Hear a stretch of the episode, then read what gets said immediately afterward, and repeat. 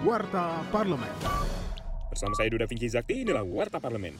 Wakil Ketua Komisi 10 DPR RI Abdul Fikri Faki mengungkapkan panja kurikulum sedang menggali informasi dan pandangan terhadap diskursus perubahan kurikulum sekolah. Fikri menilai dampak perubahan kurikulum tidak hanya bagi sekolah, namun orang tua murid juga akan merasakannya. Menurut politisi praksi PKS tersebut, jika pemerintah ingin mengubah kurikulum maka dibutuhkan evaluasi secara holistik karena adaptasi dan uji coba yang tidak mudah. Jangan sampai kurikulum berubah, tetapi pola pikir dan pola pembelajaran yang dijalankan masih memakai pola yang lama.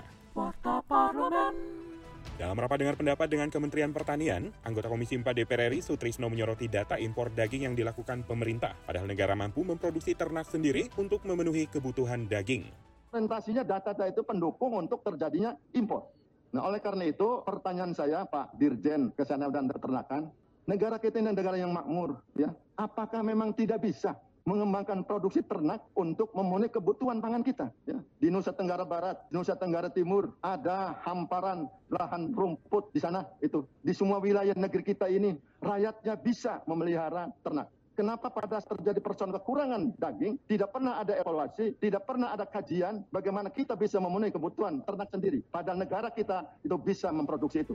Kinerja Wakil Rakyat simak di media sosial DPR RI.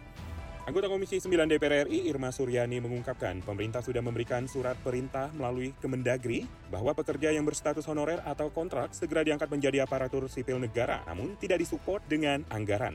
Untuk itu politisi praksi Partai Nasdem tersebut mendesak pemerintah dalam hal ini Mendagri, Kemenpan RB, dan Kementerian Keuangan untuk mencari solusi terkait permasalahan honorer tersebut agar dapat segera terselesaikan.